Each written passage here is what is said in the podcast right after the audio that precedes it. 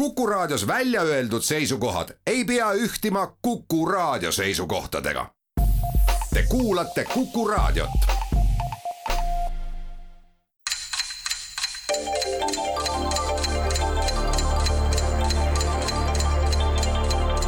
tarkade klubi targemaid küsijaid toetab lisateadmistega Postimehe raamatukirjastus tere taas, Kuku raadio Tarkade klubi tervitab häid kuulajaid vabariigi saja viienda sünnipäeva järgsel laupäeval. küünlakuu viimasel ja veel sellisel, mis uhke pidunädala lõpuks korraks saapa ja kelgupaelad kokku seab ning uude nädalasse kindlasti värskete mõtetega saadab.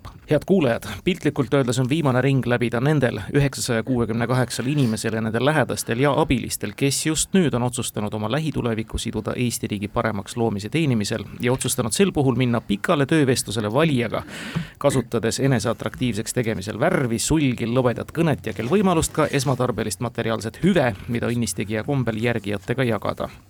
See viimane ring on üks ütlemata taktikaline ring, teavad spordisõbrad ja iseäranis need, kes seda kunagi ise läbinud. jõuvarud õigesti jaotatuna võivad teha finiširuudustikus imet neljakordne olümpiavõitja Lasse Viren panustas just viimase ringi hakul oma võimetele. Haile Gebre-Selassie alustas lõpuspurdiga kakssada meetrit enne finišit. mõnedele on antud sprindi all ka viimasteks kümneteks meetriteks. seega soovime, armsad kandidaadid, oma võimete head tundmist ja realiseerimist ning peame teile kõigile pöialt juba ülehomme algavaks valimisperioodiks ja eriti õnnelikku äraolemist kaheksa päeva pärast toimuval demokraatia pidupäeval ka teile, head kandidaadid, kes te täna Tarkade klubi valimistsükli viimaseks saateks olete siia stuudiosse kogunenud. arvamusküsitlustesse võib suhtuda igat moodi, mõni võtab seda võrrelda irooniaga põllumajandusstatistikaga, mõni peab väga tõsisel määral järge ja seab endal selle järgi ka elu ning päris kindlasti võtavad kõik meediumid seda ka avaldada kõigil nimetatud ja nimetamata suhtumiste kiuste näitavad küsitlused küll seda, et täna on stuudiosse sattunud nende valimiste suursoosikud võidule. hea meel on stuudios tervitada Eesti Konservatiivse Rahvaerakonna ridadest kandidaati number viissada viiskümmend üks Tallinna kesklinna Lasnamäe ja Pirita ringkonnast, juristi ja teenekat teletöötajat Tallinna linnavoliniku Harri Kingot. tervist! ja Harri paarilisena EKRE kandidaati number viissada kuuskümmend neli Tallinna Nõmme ja Mustamäe ringkonnast Tallinna linnavoliniku, ettevõtlusnõuniku Mart Kallast. tere! Ja EKRE meeskonnale on vastu astumas igati läbilõikeline võistkond Reformierakonna ridadest. hea meel on stuudios tervitada samuti teenekat teletöötajat, tänast Riigikogu liiget, kandidaati number kaheksasada nelikümmend ringkonnast Saare, Lääne ja Hiiumaa, Urve Tiidust. tere päevast! ja Urve paarilisena Riigikogu liiget, Põltsamaa kandimehi, kandidaati number kaheksasada seitsekümmend kolm Jõgeva ja Tartumaalt Erkki Keldot tervist! hea meel, et te olete meiega. kümme küsimust on täna teile varunud küsijatest valijad. Margus Pillau valimisringkonnast number neli, Tenno Sivadi valimisringkonnast number kaks ja kuulaja Valeri Küpsis valimisringkonnast number üks ja kümme küsimust on täna järgmiste teemade all. tunne konkurenti, valimislubadused, Slava Ukraini, regionaalpoliitika ja Varia. alustame ja ma usun, et härrad pole vastu, kui daamiga võistkond ehk Reformierakond saab avavaliku õiguse. jaa, absoluutselt, palun. teemad on kõik päris huvitavad Urve, mis tundub noortel on eesõigus, palun kui on poliitika eri, ma arvan, siis on kohane alustada valimislubadustega. kindlasti, see on üks lemmikteema olnud kõigil siin saates läbijatel, üldiselt tuntakse teiste valimislubadusi päris hästi. tänavu suvel möödub kümme aastat päevast, mil Venemaa Liberaaldemokraatliku partei duumasaadik, praegune Habarovski kuberner Mihhail Dektjärjov esitas ühe kurioosselt mõjunud eelnõu, mis nii tema kodumaal kui ka raja taga peagi naeruvääristamise objektiks sai küsisime meiegi kunagi ühes oma saadetest selle kohta, aga poleks eeldanud, et tänavu vastava konkreetse teema juurde naasta tuleb, üldsegi mitte Venemaaga seoses. see, mis jäi Žirinovski jüngril tuumas saavutamata, teostus nüüd hiljuti, üheksa päeva tagasi, teatud valijagrupile antud sotsiaalse iseloomuga lubaduse tulemusena Hispaanias valitsevate sotsialistide dirigeeritud parlamendi hääletuses tulemusega sada kaheksakümmend viis, sada viiskümmend neli ja millest käib jutt? Kõnealuse uudise valguses selgus ühtlasi, et vastav nii-öelda reform juba ka Jaapanis, Indoneesias ja Zambias on läbi viidud hmm,. väga huvitav, päris palju erinevaid vihjeid. neljapäevane töönädal. on teie pakkumine? ma, ma pakuks seda, ma, kas võis enne konsulteerida? muidugi, vabalt ja see ongi selline saade, kus suuliselt konsulteeritakse.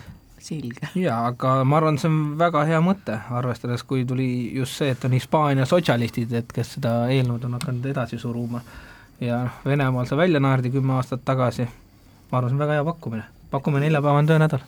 ei ole kahjuks õige vastus, aga mõte on hea, nii et võtke endale kindlasti lipukirjaks. oi ei, kindlasti mitte. Mart ja Harri. jaa, ütles Mart, aga mulle see neli päeva meeldis väga. neljapäevasest sellest, siis ma mõtlesin isegi, et see on õige, et, et me pääseme edasi mõtlemisest, aga nüüd võib hakata mõtlema. kaks tuhat kolmteist oli Venemaal oli naeruväärne ja nüüd Hispaania ja Jaapan, Indoneesia, Sambia. Jaapan, Indoneesia, kõik on sealtkandi inimesed, Habarovsk, Jaapan, Indoneesia sotsiaalse iseloomuga lubadus teatud valijagrupile. teatud valijagrupile. putukate söömine ta ei ole, eks ole? no tõenäoliselt mitte, sest et ma arvan, et putukaid peaksid nagu teoreetiliselt kõik ja, sööma. mitte mingi teatud grupp ei käi putukaid söömas. ega mul ei tule ka praegu mingit valgustavat mõtet pähe ausalt öelda. hispaanlased, hispaanlased soovisid äh, hästi kuumal suvel soovitas Hispaania peaminister, et äh, ärge kandke lipsu, aga see ei ole kindlasti see teema, jah, see ei ole ka, seal on, see ei ole sotsiaalse grupi teema, ma arvan, ja, ja praegusel ajal, kui sa vaatad ekraani, näiteks teleekraani, siis on väga vähe neid, kes üldse veel meestest lipsu kannavad, kõigil on nööp lahti. nätsu närimine, see on, nätsu närimise keelamine tähendab kas see ei või siia kuskil seal kuule, ma arvan, et siis oleks ka mingisugune äh, pisem riik seal Singapur või ma ei tea, midagi sellist nimetatud siin ära okay., sest et seal on kanged, ranged, ranged reeglid tänaval käitumisele. mis asi see nüüd on? midagi ajavööndiga ka tegemist ei saa olla, sellepärast et nad on nagu eri poolel planeeti, eks ole, nii et, et vaevalt ma ei tea, mina ei mõtle küll midagi välja. jah, ma ootame Timolt mingit tarka vastust, vastust. rohkem vihjet ei anna, no selge, palun. Aa, ei punktid, punktitult saab parandada. punktitult para-, ma lihtsalt, mul tuli meelde ka just Indoneesiaga, et, et ma lugesin ju uudist, et kus Indoneesias võeti vastu seadus, et ainult abielus inimesed võivad koos ühes toas magada aga noh, kuna see on Hispaania sotsialistid, siis võib-olla see on natuke äärmuslik neile. see on äärmuslik tõesti. ja ma ei usu, et Hispaanias selline kord kehtib. ja, me räägime naiste tasulisest menstruaalpuhkusest, täpsustusega, et antud seadus annab naistele õiguse võtta vabaks nii palju päevi, kui vaja nii-öelda vastavate valude puhul ja raha tuleb selleks riiklikust sotsiaalkindlustussüsteemist, mitte tööandjalt arst peab seda ajutist töövõimetust igal juhul konkreetselt kinnitama, ütleb siis see seadus. Harri ja, ja Mart, te saate teema valida. küsime Ukrainast, sellest on nii palju materjali no, olnud, eks ole, no, et äkki me teame midagi. on, see on üks selline ajalooline küsimus. viieteistkümnendal oktoobril tuhat üheksasada viiskümmend üheksa leidis Saksamaa liitvabariigis Münchenis aset kõmuline sündmus, milles vahetult kaks ukrainlast olid osalised. üks nendest kahest oli tollal kahekümne seitsme aastane Bogdan Stašõnskõi, kes oli teine väga tuntud nimi ja mis sündmus see oli? viisteist oktoober viiskümmend üheksa, München. viiskümmend üheksa, see pidi ju siis olema mingisugune ka spordivõistlus, eks ole, seal ehm, Müncheni olümpiamängud olid seitsekümmend kaks et noh, alguses nagu kui Münchenist mõelda, siis eks ole, see seitsmekümne kahe erinev oota, tuhat üheksasada viiskümmend üheksa see, see sündmus toimus, jah? jah, viieteistkümnendal oktoobril. oktoobril, konkreetne päev. oleks pakkunud jah, midagi hoopis muud, aga see oli, see on ikkagi varasem aeg, viiskümmend üheksa. ma olin siis nelja-aastane. kes on kuulsad? Ukrainlased? kuulsad ukrainlased tol ajal või täna? üheksa Münchenis. no ikka läbi aegade kuulsad nimed, jah no,. ja tol ajal ka muidugi. see peab olema kas mingi sportlane või mingisugune ega ta mingi tõstja polnud? ei, ei, mina küll ei tea ühtegi tõstjat, Ukraina tõstjat. no võib-olla mingisugune olümpiavõitja ju. kuidas selle ühe nimi oli?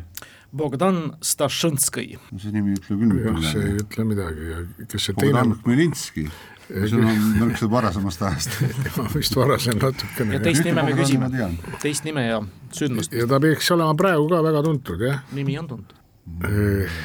Kuule, anname võimaluse ka Reformierakonnale, muidu nad on sellised kannatajad ja vaikivad siin äkki, äkki neil on midagi tarka öelda. kas sa arvad, et sa oskad hinnata meie emotsioone ja tundeid? no ei tea, sa vaatasid mulle otsa praegu niisuguse näoga, et mis siit no, tuleb. no me näeme, et teie, meie oma oskate no kena, see on teist väga džentelmenlik palun, Urve ja Erki. jah, huvitavad ajad olid need viiekümnendad. ma olin siis viieaastane ja ega ma neid uudiseid vist lugeda ei saanud tollal, kuigi ma lugeda oskasin. aga kuna see sport juba langes ära, ma saan aru, siis tõenäoliselt võis olla kas midagi väga head või midagi väga halba. mis see nüüd täpselt on, siin võib ainult oletada, eks ole. Jaa, väga, väga keeruline, ma mõtlen ka, et, et tihtipeale niisugused, niisugused ajad ja München mul koheselt samamoodi Müncheni olümpiaga, aga see oli nagu piisavalt palju hiljem. see teine Bogdan sündis, ma vaatan, kolmekümne teisel aastal, täpselt sinna ütleme nii-öelda maailmasõdade vahele, praegu koheselt ei tule, et on see midagi teadusega Ukrainast, kas viiekümnendate lõpus hakkas hakkas see ju võidu, ütleme, penitsilliin. Või võidu relvastumine, ütleme kosmosesse minek, ma ei tea, kas seal, kuna see Jah. laiem äkki midagi sealtpoolt mm, Mhm. midagi kosmosega seotud, et kas see isik võis olla, ma ei tea. muuseas, mikročipp avastati viiekümne kuuendal aastal Mm.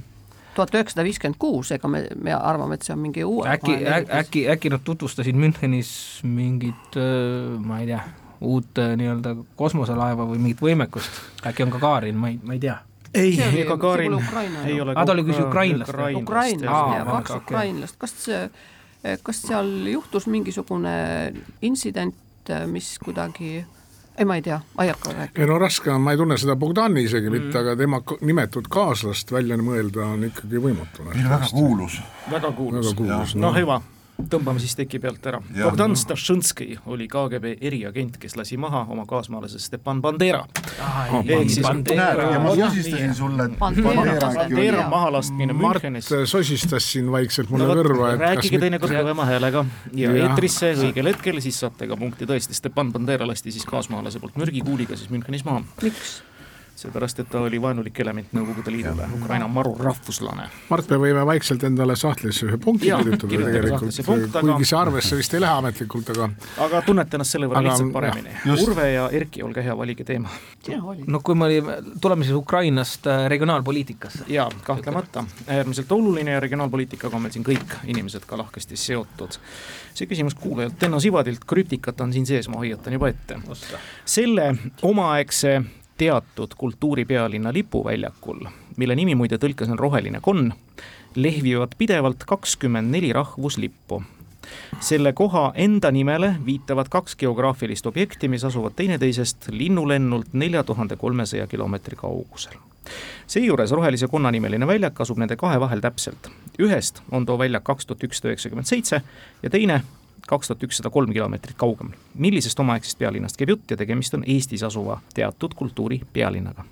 mul tuleb kuidagi nagu kirgastub ette, et, et midagi, ma mäletan ühte nagu kaarti, kus ma nägin, kas, et äkki oli kuskilt, kas kuskilt sealt Setomaa juurest, et oli kaks noolt tõmmatud, et nagu nad olid ühe telje peal, olid mingid kultuuri need, aga aga mis võib olla Seto, Setomaal tõlkes ka roheline konn, omaaegne kultuuripealinn ja see, see võib olla ka mingi rahvusvahelise Seto nii-öelda kultuuripealinn sellisel juhul. Ma oleks mõelnud soome-ugri peale, aga, aga aga see on ju Eestis oli ka. pealinnaga ja ta asub Eestis. Eestis jah, jah mm. -hmm. no roheline konn, kohe tuleb meelde Soome vihre, aga see ei ole õige, eks ole no sest ta peab, kui ta on ju nii-öelda tõlkes, siis ta järelikult peab olema kas mingis murdes või no,, või mingis murdekeel. setumurrak, aga mina ei, ei tunne setumurret. äkki on Obinitsa?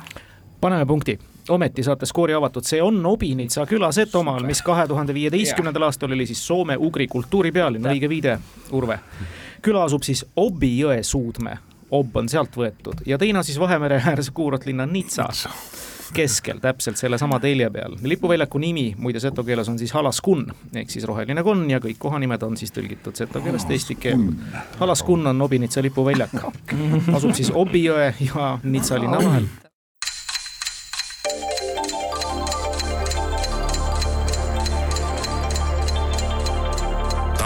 tarkade klubi. targemaid küsijaid toetab lisateadmistega Postimehe raamatukirjastus. No nii, skoor on mängus avatud. fantastiline. nulli peale ei jää, nii et. ei jää, Harri ja Mart sama vahvalt. nii, mis meil seal on veel? konkurendid, sedasama regionaalpoliitikat, Ukrainat. võtame konkurendid. võtke muidugi. konkurentidest on hea teada. nii, konkurente on kindlasti hea teada. erakonnad, kandidaadid ja nende rahakott ning iseäranis kulud valimiskampaaniale on teemad, mis ilmselgelt ja reljeefselt mitmetisi tundeid valijates tekitavad. eriti seetõttu, et kulutatud raha peab asjaomastele instantsidele deklareerima ja seega peab olema meile kõigile avalik me nüüd küsime ühe teie konkurendi kohta, kes nendel valimistel numbri all üheksasada kaksteist kandideerib. küsime seetõttu, et nelja aasta eest toimunud Riigikogu valimistel kulutas ta valimiskampaaniaks isiklikku raha kõige rohkem. Ehk siis rohkem kui keegi teine osalenud kandidaatidest, kokku nelikümmend üks tuhat kolmsada viisteist eurot. ja see tehtud investeering ennast esialgu ei õigustanud. saadud kolmsada viiskümmend seitse häält andsid siis ühe hääle hinnaks rekordilised sada viisteist eurot. tegemist on väga mitmekülgselt andeka kandidaadiga, kes muuhulgas on kroonitud Itaalia ja Soome meistriks ja lõpetanud Nõmme muusikakooli klaveri erialal. nii, üheksasajaga algavad keskerakondlased. Itaalia-Soome meister. Itaalia-Soome meister. ja Nõmme muusikakool klaveri erialal mm,. mul pole aimugi, kes seal Keskerakonnast oskab klaverit mängida. ei, oot-oot-oot, ma mõtlen nüüd piirkonna välja, kus ta võib olla, ta võib olla iseenesest Lasnamäe kesklinn ja Pirita. ma pakuksin välja see kant, kes seal võivad olla, no Kõlvart, kas Kõlvart käis, kas Kõlvart oskab klaverit mängida? ma pole aimugi sellest. ma ei tea, kes üldse oskab? ma ei tea. Ma mõtlen, kes on seal valmis nagu oma raha panema, nelikümmend jaa, see on päris suur summa, ta võib olla mingi ärimees, tähendab. kui ta oleks olnud mingi Mustamäel kandideerija, siis ma oleks teadnud kohe vastust, kes on. aga Lasnamäel, kes seal on, äkki see Kravtšenko või? ei, kas tema on, võib klaveri mängida ja mis, no siin saab läheneda kas kes teil on seal Lasnamäel kandideerivad keskerakondlastest? oi, ma ei tea, kes võib niisuguse papi välja käia? mina ei ole keskerakondlane, ma ei tea. ei, aga sa oled näinud konkurente ju. Oo jah, ja talle näkku pole kirjutatud, palju tal raha on ja, ja no vaata, kas ta oskab mängida klaverit? või midagi. oi, ma pole nende autosid ka vaadanud. sõrmi tuleb vaadata, et klaverimängija sõrmed oleksid. oota, ma mõtlen kohe pildi pealt, kes seal olid. Lasnamäe kanalis ma praegu manan pildi ette, seal on Kõlvart, siis on Svet, siis on äh, Juhvareva, siis on Riisalu, Aivar Riisalu, jah, aga miks mitte, tal oleks küll nelikümmend üks tuhat välja panna või võib-olla tol ajal. siis on seal Tõnis Mölder ja siis on mulle tundmatud inimesed seal. ja siis ta ei saanud suurt midagi ja nüüd ta on nagu siis äh, mingi, mingi sammu edasi teinud, nagu ma aru sain. Jääme Riisalu juurde. Jääme, jääme tema juurde, jah. Tema klaverimängu-võimeid ei tea, vokaalsed võimed on tal nii, et teda kuulatakse ikka, ei ole kahjuks õige vastus, aga väga tore arutelu, väga õigesti hakkasite välistama, teadsite numbreid nimetada ja väga õiged parameetrid, vaadata klaverimängija sõrmi ja rahakotti, aga teie kord mul üks esmane üks pakkumine, kohe ma ütlen, kas see kõige ekstravagantsem oli, kes tegi neid ägedaid, nii-öelda ägedaid jah, hulle videosi, oli Märt Sults, kes ju äkki kuidagi, ta on ju muusi-, muusikalise mingi taustaga, ta teeb neid oma neid laule, neid kahtlaseid reklaame, võib-olla, võib-olla ta mingi sa- sai, ta, ta on uuesti kandidaat, on ju, ta pani eelmine kord neid oma isiklikke plakateid ülesse, mine tea, võib-olla tegi sellises mahus, sest et noh, üheksasada kaksteist peab tulema, ta on kuskilt, kui ma hästi kiiresti ma ei jõudnud seda teha, mulle tundub, et ta peaks olema esimese ringkonna keskerakondlane, Haaberti, Põhja-Tallinn, see Kristiine Märt Sults on sealt, kes veel Keskerakonnast esimeses ringkonnas niisugune muusika, Soome-Itaalia meister, te peate silmas sporti või mida? ta ei ütle, aa, jah, ei ütle, just- aa, selge, okei. et, et võib-olla ongi mingites asjades, kes, kes veel seal esimeses ringkonnas on, alustame, on seal Tanel Kiik ei ole, Belobrovtsev ei ole, seal on need linnaosavanemad, nooremad, Siljanov, Hanimägi, no ma ei, ma, ma, ah, imetlusväärne. ma ei usu, ma ei usu, et nemad on mul, noh, ma ei taha valesti panna, sest tundub, et läheb õige, aga ma jääksin selle Märt Sultsi juurde. ei ole vastu. väga loogiline pakkumine, pakute musikaalseid mitmekülgseid kandidaate, aga ei. Ja ma olen kuulnud, et ta Riigikogus praegu öösiti ikkagi mängib aeg-ajalt ööistungite ajal klaverit ka teile. see on Anastasia Kovalenko-Kõlvart ja motospordis on ta tulnud Itaalia ja Soome meistriks. jaa, muidugi. ja Nõmme muusikakooli lõpetanud ja isiklikku raha tal vist Selle on ka tulenevalt vanemate sidemetest. no kui ta on sportlane jah, ta võib ju teenida mingisuguseid äh, reklaami või auhinnaraha. jaa, ei no tal on ikka vist BLRT jah, tal on ka perekond võib-olla selline.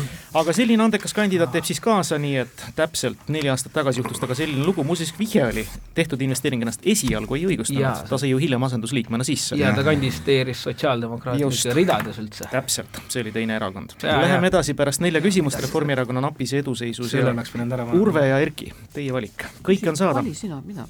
no teeme vaaria, see võib alati üllatusi, üllatusi tuua. seitsme koma kahe miljoni dollari eest müüs Vene impeerium aastal tuhat kaheksasada kuuskümmend seitse oma Põhja-Ameerika valdused, tuntud nime all Alaska, USA-le.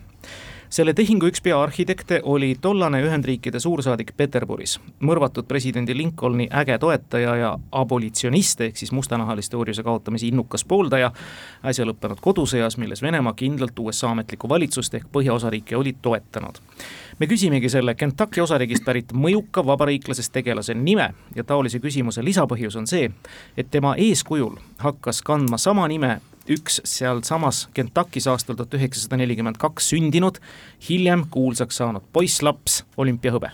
noh, see on niisugune ikka väga hea vanakooli mälumängu küsimus. olümpiavõitja, vabandust. olümpiavõitja. olümpiavõitja. tuhat üheksasada nelikümmend kaks sündinud poisslaps, olümpiavõitja hakkas kandma tema eeskuju, sama nime. ehk siis noh, ütleme, millal olümpiavõitjaks võib tulla, kahekümnendates midagi, kuuekümnendatesse lähme, noh, me ei tea, kas see on suve- või taliolümpia muidugi, sealt no vast ikka suveolümpia, me keegi kiirjooksja. no samas sealt, kui ta tuleb põhja, sprinter. nojah, me ja me ei tea, kust, kus see nii-öelda, kuna oli Põhja nii-öelda Alaska ja sellega seotud, kas ja nimi läks selle nii-öelda auks, aga loogiline, jah. kuuekümnendate, seitsmekümnendate ei oska pakkuda. väga, jaa, väga keeruline, see peaks ajal, võtab pikalt aega, peaks hakkama mõtlema, kes no Lewis äkki, näiteks. Carl Lewis oli hiljem äkki, ma ütleks näiteks nagu Jesse Owens, äkki on niisugune Ameerika ja, ja mustanahaline, kuna oli ka mustanahalise Ja, aga kas see oli mustanahalist eestvõitleja, mitte vastu? eestvõitleja. orjuse kaotamise innukas pooldaja äh,. ma jääks äkki, jääme Jesse Owensi juurde. loogiline pakkumine, Owens tuli küll kuus aastat enne küsitavat daatumit olümpiavõitjaks. Ehk siis märgitud daatumit, aga palun, Mart Tehar. no välja nõputada kusagil kuuekümnendate aastate olümpiavõitja USA-st, oo jah, Mart, on sul mõtteid? ma mõtlesin, kui, kui, kui, kui meie vastased iseenesest ka arutasid seal ja, ja... äkki ta on mingi poksija? mitte üldse jooksja ja kergejõustik. USA on alati tugevalt boksis ja ta võis ka siis olla boksis tugev. Stevensoni nimi mul tuleb meelde boksis, kui sa boksist tahad rääkida, sellest ajajärgust peaks olema. Nojah, kes oli kuuekümnendatel USA olümpiavõitja, no mitte midagi ei tule pähe selle koha pealt ei no kõige, kõige, Jesse Owen oli kõige nagu kuulsam loomulikult seal, eks ole, oma käe tõstmisega ja musta kindaga ja kõik nii edasi, eks ole. aga kes seal nagu enne seda olid veel? Mart, tunnistame, et me ja, ei tea ja anname alla ja laseme Timol öelda õige asja. teate ikka, boks oli päris lähedal, muidugi on see mees Cassius Marcellus Clay, hiljem tuntud oh. kui Muhamed Ali. mul käis see nimi peast läbi no,. aga ütle välja kõik, Harri, mis peast läbi käib. Muhamed oh. Ali enne islamisse üleminekut ja noh, teame siis, et tema suhe oli ka nii-öelda oma nahavärvi selline, mis sobis väga hästi selle Cassius Clay noorema ehk siis originaaliga kena, aga Harri, Mart, valige nüüd teema, me oleme poole mängu peale nii hästi. mul ei ole nimekirja, kusjuures sa pead iga kord mulle korrutama. jaa, kõiki teemasid on veel saada, üks küsimus. ehk siis Ukraina lubadused, konkurendid, regionaalpoliitika ja Vaaria. no küsime Vaaria, vaatame, mis sealt tuleb äkki tead, midagi tarka Teie valijad Enno Sivadi küsib ja küsib järgmist. nõnda nimetati Vanas Roomas plebeide poolt ülalpeetavaid inimesi kes olid sunnitud maa saamiseks või käsitööga tegelemiseks otsima patroonide toetust, samas ei peetud neid orjadeks. Nad olid kohustatud käima patrooniga koos sõjakäikudel ja toetama neid valimistel. Nad said omale isegi patrooni perekonnanime ja patroon stimuleeris neid rahaliselt. Kuigi vajadusel pidid nad ise patrooni rahaliselt toetama. kuidas neid kutsuti, küsib Tenno Sivadi tänapäeval on see mõiste sõnakasutuses väga mitmes elusfääris, kõige enam majanduses, aga viimasel paaril aastakümnel ka sotsiaalsfääris, kus veel kümmekond aastat tagasi olnuks see nimetus mõjunud väga kohatuna, aga tänapäeval on ta siis igapäevakäibes. sponsor. no see on Mentor. üks selline ja mingi agent näiteks, et noh, ta töötab kellegi jaoks. rahastaja no ma arvan, et see on natuke ladinapärane sõna peaks olema siis sel juhul, see ei ole päris nii no, Eesti, Eesti rahastaja. peab no. olema mingi termin ülalpeetavad inimesed, ehk siis ega siin sõnast pension ei anna midagi tuletada. no vot, ütle kõvasti välja. jah, no ma ei tea, äkki on midagi pensioniga, pensionärid näiteks Vanas-Roomas. no iseenesest pensionärid sobib väga hästi, et kuigi nad ei ole enam tänapäevased pensionärid, aga peavad vastupidi nagu ja, ja oma lapsi ka üleval, ma ei tea, vastamise mida... pension on väga hea mõte iseenesest. no ma ei oska paremat välja mõelda, noh ei ole, ehkki mõte on tõesti hea ja väga tabav võrdlus Eesti pensionäride koha pealt. Erki ja Urve, üks oluline vastuse variant läks nüüd maha teie jaoks mm. -hmm. tulnud äh, majanduses, täna on sotsiaalsfääris, alguses oleks kohatu olnud, täna võib kasutada, on levinud hmm järelikult midagi sellist äh, alluvuses. mingi aga abistaja, aga mis asi see oleks siis? mingi hooldaja, hooldus, ei noh, see ei ole kohatu olnud. ämma sahtel pankur pankur laenuandja, no mis asjad need võivad olla seal siis? ta, ta, ta aitas nagu sõja käigul, see tähendab seda, et ta pidi olema füüsiliselt nagu tugev, eks ole. investor on, aga noh, vaevalt aga ta ei ole kohatu nagu kuidagi, et täna investeerib, laenuhaldur, vaevalt. haldur? haldur aga no ta ei olnud nagu kohatu samamoodi. kas sõna on kohatu või? selle sõna kasutamine sotsiaalsfääris olnuks kümme aastat tagasi kohatu, kohatu., täna on igapäevane. äkki kuidagi, et äh, ma ei tea, kas ma ei tea, see olla midagi puudega seotud või kuidas inim-, inimesi invaliid. invaliid. ei, vaadake, tänapäeval on kõikvõimalikud asutused, sealhulgas ka hooldekodud, arestimajad täis mitte küll hooldatavaid kliente. ja kliente, see sõna on klient, tänasel päeval võid tõesti kliente kohata igal pool, poes, hooldekodus, igal pool, kümme aastat yeah. tagasi oleks öelnud klient, siis oleks nagu vähe võõristav olnud. praegu on see normaalne. noh, nii, jätkuvalt Reformierakonna napis eduseisus, me jätkame, Vaarja teema on laualt maas. no proovime uuesti siis regionaalpoliitika. väga hea, aastal tuhat üheksasada kakskümmend kuus tegi Vabariigi Valitsus toonastele Jõhvi elanikele ja omavalitsusele ühe konkreetse ettepaneku, seda aga sealsed kohalikud tollal vastu ei võtnud formaalselt täpselt samasugust otsust soosiva algatusega tuli möödunud aastal välja Jõhvi volikogu, kes vastavas küsimuses ka rahvahääletuse korraldas, aga sellest leige osavõtu tõttu kavandatu ei täitunud. mida taotleti siis pea sajand tagasi ja ühtlasi ka nüüd, Jõhvis tuhat üheksasada kakskümmend kuus ja ka siis nüüd läinud aastal? Nii, milleks, milleks korraldada rahvahääletust üldse, mõtlen ja kahekümne kuuendal aastal esimene tuli, tuli aga ma isegi ei kujuta ette, et ma mõtlen äkki maa, et noh, et Jõhvi on maakonnakeskus, kas see või kuidagi seotud, et, et maakonnakeskuse muutmisega, kui tol hetkel tuli Vabariigi Valitsus ja nüüd mõ-, möödunud aastal tuli Jõhvi volikogu ise algatas selle, jah, tuli initsiatiiviga välja korraldada antud küsimuses rahvahääletusega, me ütlemegi, mis küsimuses? kas see keskuse teema ei ole?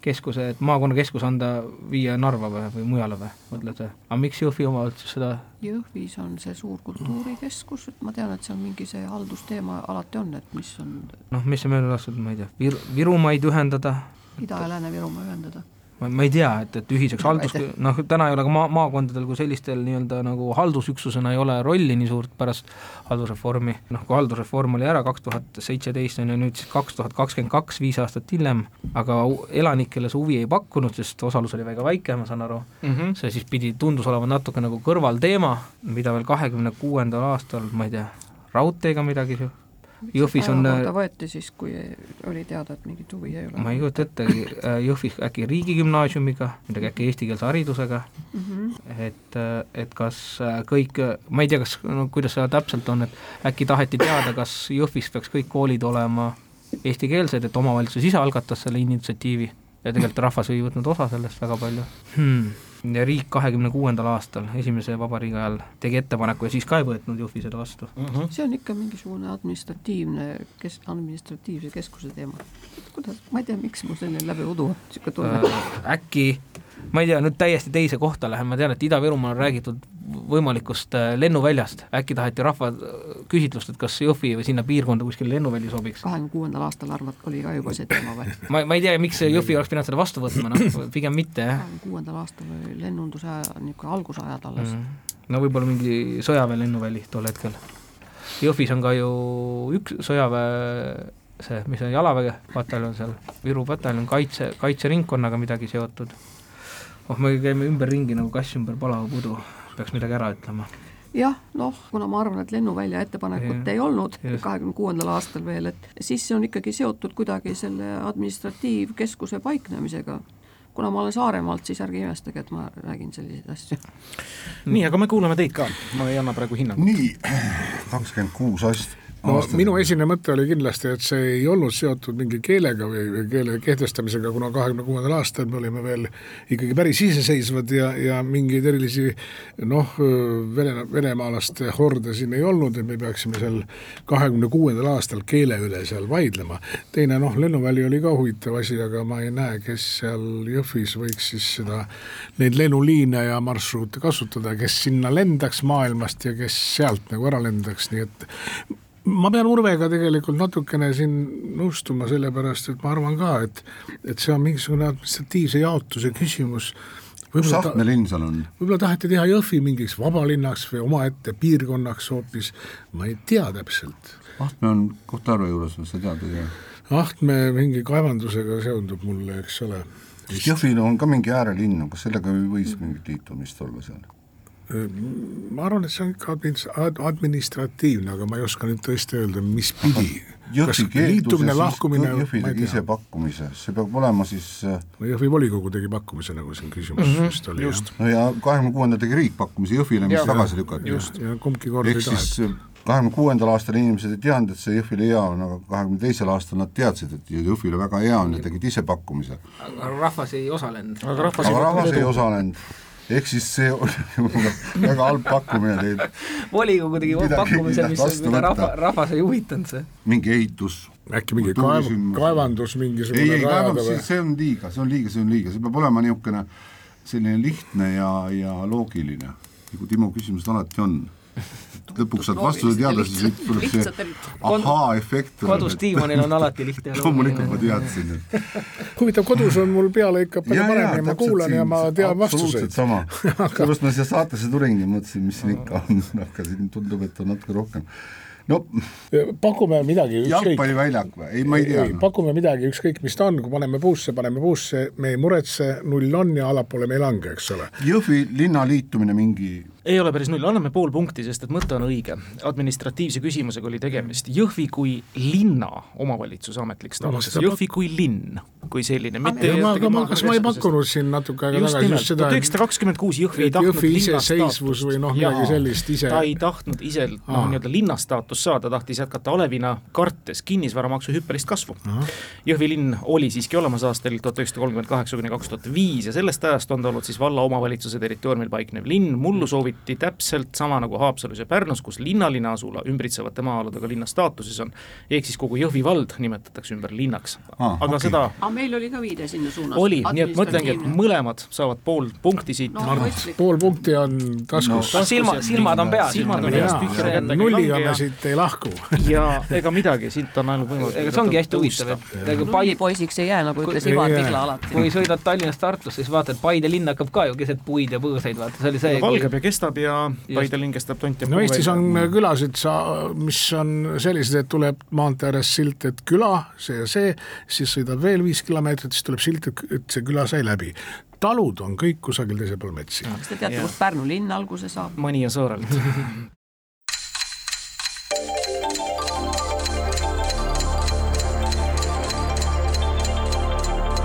tarkade klubi targemaid küsijaid toetab lisateadmistega Postimehe raamatukirjastus. Mart ja Harri, meil on jäänud konkurendid Ukraina ja valimislubadused. võtame konkurendid konkurendid, väga hea. küsisime siin saates iseseisvuse taastamise päeval ühe tuntud Eesti kodaniku kohta, kes on siis sündinud aastal tuhat üheksasada üheksakümmend üks, kahekümnendal augustil, ehk siis täpselt päeval, kui kuuskümmend üheksa Ülemnõukogu saadikut Eesti komiteega koostöös meie riigi uuesti vabaduse rahvaste perre tõid. õige vastus oli toona Sergei Metlev. täna iseseisvuspäeva vahetus sabas tahame teada ühe mehe kohta, kes kahekümne neljandal veebruaril tuhat üheksasada kaheksakümmend mil vabariigi kuuekümne teist aastapäeva Eestis paljude poolt varjatult tähistati, ilmale tuli. Tema kandideerib eelolevatel valimistel numbri all kuussada üheksakümmend üheksa. kes? üsna mitmel aastal on küsitav nimelt oma sünnipäeva paiku nii eel kui järel kodumaa avalikkuse tähelepanu keskpunktis olnud tegevusvaldkonnas, mille kohta valimisbänneril ütleb, et see on tema kogu elu ja ta soovib, et see terves Eestis elaks. tänavu tuli samuti ka Valgetähe viies klass ära, kes ta on sündinud kakskümmend neli veebruar kaheksakümmend. Ja praktiliselt igal aastal mingil teatud põhjusel alati on siis sünnipäeva aegu olnud ka pildis. no siis ta on kusagil nelikümmend kolm aastat vana praegu või saamas nelikümmend kolm. kuussada üheksakümmend üheksa kuhu see number kukub nüüd? no see kukub, äh, ma tahaks öelda, et õudselt tahaks öelda, et see kukub täitsa meie kapsaaeda. no mul oli ka see kuue, kuussada, see tundus mulle nagu väga tuttav number siin ei, kui tegemist on konkurendiga, siis me siin no, küsime alati kedagi, kes ei ole. okei, no mille poolest ta tuntud oli? ta on tuntud valdkonnas, mille kohta ise ütleb valimisbänneril, et see on tema kogu elu ja ta soovib, et see terves Eestis elaks. kas see mingi taimekasvatusega pole seotud? ei no?, ei, ei no terves Eestis, kuule, kui ta marke korjab või, või ma ei tea, mingi mudelautosid teeb, siis ma ei usu, et see, see terve Eesti võiks vallutada kunagi ja nii võiks keegi unistada. millega inimesed tegelevad terve elu hingega? no ikka roheasjadega vist, ma arvan, ei ole, palju on neid ju. üks vihje oli siis veel, et umbes sünnipäeva aegu, eel ja järel on ta alati olnud ka teatud põhjustel pildis. Võib-olla sel ajal pannakse mingi seememulda, millest sügiseks midagi võrsub. ah, ma ikka kipun sinna rohe, rohenäpu poole millegipärast. sa jääd kinni praegu rohelisse, jaa, jaa. okei okay,, vahetame teemat. pildis olnud enne ja pärast. miks peab enne vabariigi aastapäeva ja pärast no kas see pildis olemine on seotud vabariigi aastapäevaga? ei pruugi olla, aga mingid tähtpäevad on, noh. niimoodi, et vastlapäev oli just, eks ole. no ei, ma ei mõtle välja. ma ei oska seda ka seostada näiteks noh, saabuva kevadega näiteks, ma ei oska seda seostada, et ta on mingi, mingi ilmatark näiteks või. ja nüüd kandideerib ka veel, veebruaris ütleme, mida sa, kes tuleb pilti veebruaris? no ma ei tea, ikka, ma juba ühe ja kandideerib, mis erakonnast ta võib-olla kandideerib? kes on pärast meid, noh, kes on pärast meid? kui me oleme number kuuega hakkame pihta, siis kes pärast meid tuleb seal, Isamaa või? ei olnud, või oli Isamaa või? äkki olid parem, ei parempoolsed esimesed, teine oli minu meelest Isamaa isegi või? Ma ei mäleta. ma ei mäleta enam. anname üle. andke üle ja kuulame teid. ma kuulaks küsimust veel, ma hakkasin ka mõtlema, kes see kuus üheksa üheksa on, ma ei tea, No no, nii Ilmar. Raag oleks esimene niisugune kuus, üheksa, üheksa, keegi, kes on sündinud kahekümne neljandal veebruaril tuhat üheksasada kaheksakümmend ja alati oma sünnipäeva paiku, nii eel kui järel, on ta siis kodumaa avalikkuse tähelepanu keskpunktis tegevusvaldkonnas, mille kohta ise ütleb oma valimisbännerile, et see on kogu ta elu ja ta soovib, et see terves Eestis elaks. tänavu sai Valge Tähe viienda klassi ordeni sest ega poli-, nii-öelda poliitikutele ei anta väga tihti, kui eriti võib-olla kandideerid, ei anna president ju ordenit, et äh, siis ma mõtlen, noh, ta on neljakümne kahene, saab nelikümmend kolm kohe, tõesti, mul täitsa uskumatu, et ei tule, et kes seal kuus, üheksa, üheksa äkki võib olla. kuidagi seotud eh, teadus- või meditsiinivaldkonnaga, aga alati enne ja pärast pühi on Jah. eh, nagu avalikkuse ees, et siis Jah. siin on natuke väike teaduse ja sõjaga seoses said ju seekord just hästi palju sai tõesti, et, et, et seotud just äh, enne ja pärast oma seda, et noh, üldiselt ju vabariigi sünnipäeval räägitakse väga palju julgeolekust äh,, see võib olla kaitseväelane, aga et ne-, jutt oli Ilmar Raagist noh, korraks Ilmar Raag on ju, ma minu arust Ilmar Raag on vanem muidugi on ju, ma mõtlen, et, et aga et noh, enne ja pärast temast räägitakse, tegelikult neljakümne kahene saab, kandideerib ja saab samal ajal ka tegelikult ordeni. noh, seda ei juhtu väga tihti, mõtlen, ma just nüüd ordeni vaataja, kes kes see oleks e terves Eestis elaks, elaks. maaelu elaks, see on ikkagi mingisuguste teadusuuringutega seotud. Ilmar Raag on vanem, Igor Taro, teadusuuringutega seotud. ja kes, kes see ka kandidaat, noh, kes siin teadlastest on praegu, kes see kuus üheksa üheksa, mul jah, väga kehva, et mul kuidagi seda ei tule meelde, et kes see konkurent üldse olla võib. nimekiri on peas jah, kõik.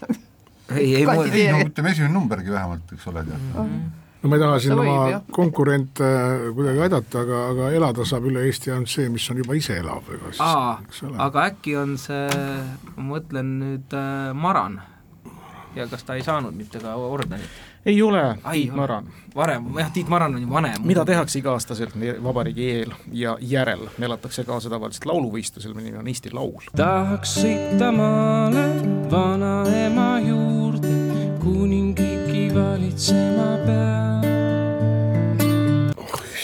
Eurovisioon ja see Aa, kandidaat Stig on Rästa. Raul Stig Rästa. Stig muusika on kogu minu elu ja ma tahan, et muusika elaks terves Eestis. muidugi. valitsemine täielik. ei no see tuleb pähe erakond Eesti kakssada on teie järel. lugesin mingit teid. asja tema kohta Mhm. ja imestasin. aa ma nägin reklaami täna. kaks küsimust enne lõppu, Reformierakonna napis poolteist pool eduseisus jätkama, meil on Ukraina ja valimislubadused, mis otsustavad täna nii, mängu see on saates. meile vist. Ei. ei, kõigepealt Aa, saab meile. No Urve ja Erki No sama valimislubadused sellega poliit niisugune saade. nii, valimislubadused. tuhande üheksasaja üheksakümne üheksanda aasta Riigikogu valimiste järel teist korda peaministriks saanud Mart Laar kolistas oma esimesi ämbreid teisel ametiajal õige pea pärast ametisse nimetamist.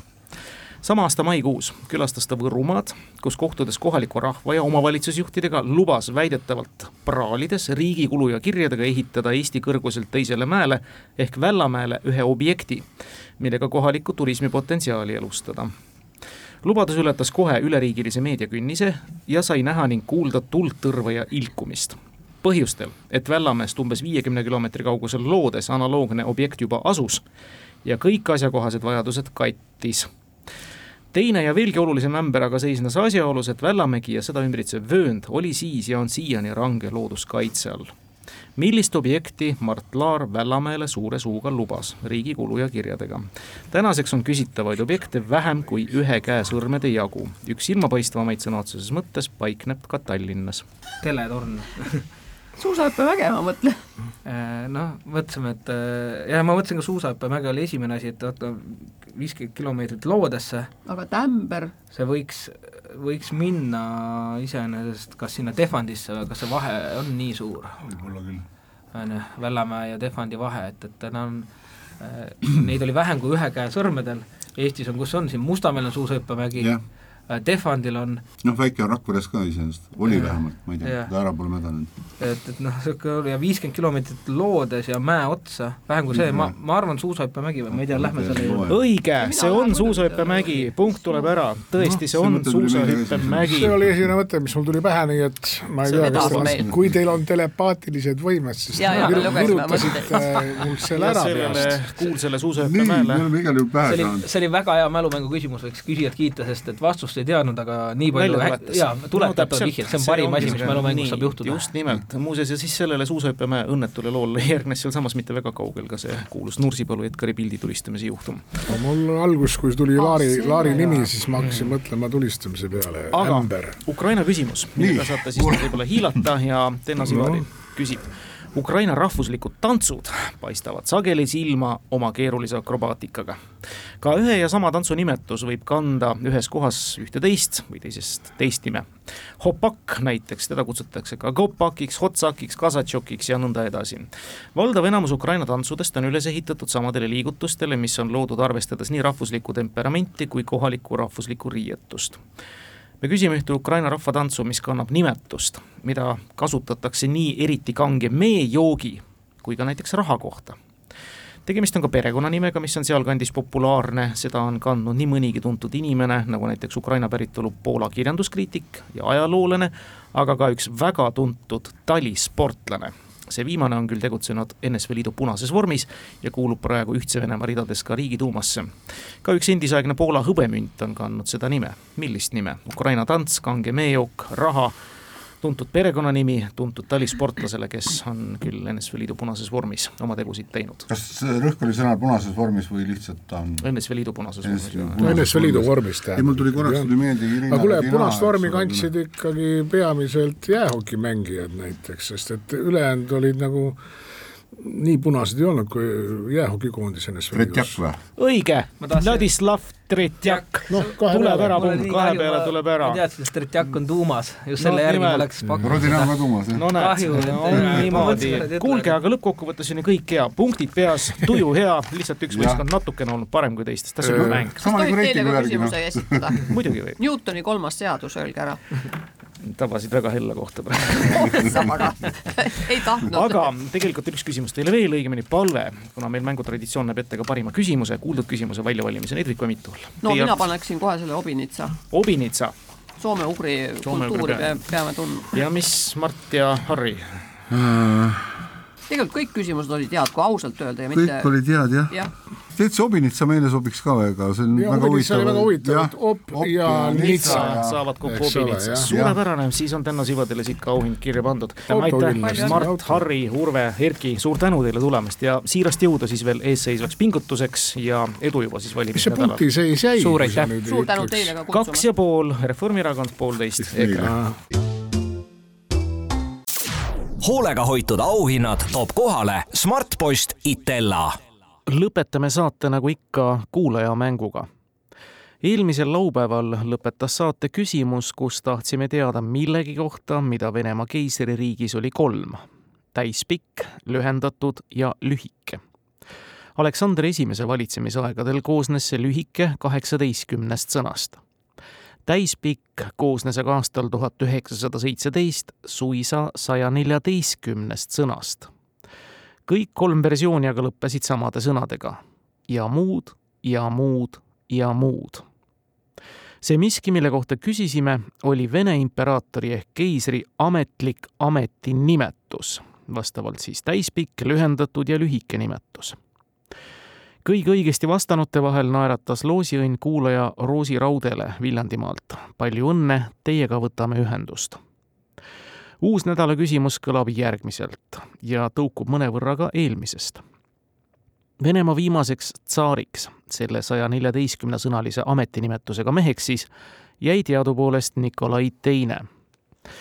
Saatus tahtis, et veel Stalini eluajal sai võimaluse Nõukogude Liitu külastada seoses töiste asjadega Nikolai Teise onu pojapoeg Andrei Andreevitš, kes sündis ja kasvas tegelikult üles Inglismaal Londonis vähe sellest, Andrei Andreevitš sai kurioossel kombel külastada linna, mis kunagi oli lühikest aega nimetatud ka tema perekonnanime auks.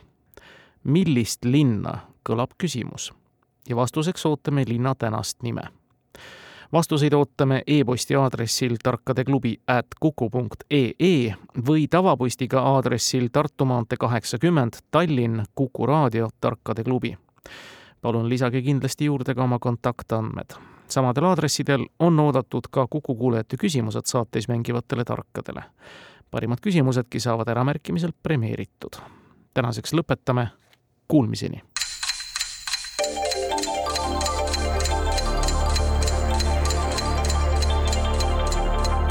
Tarkade klubi. Targemaid küsijaid toetab lisateadmistega Postimehe raamatukirjastus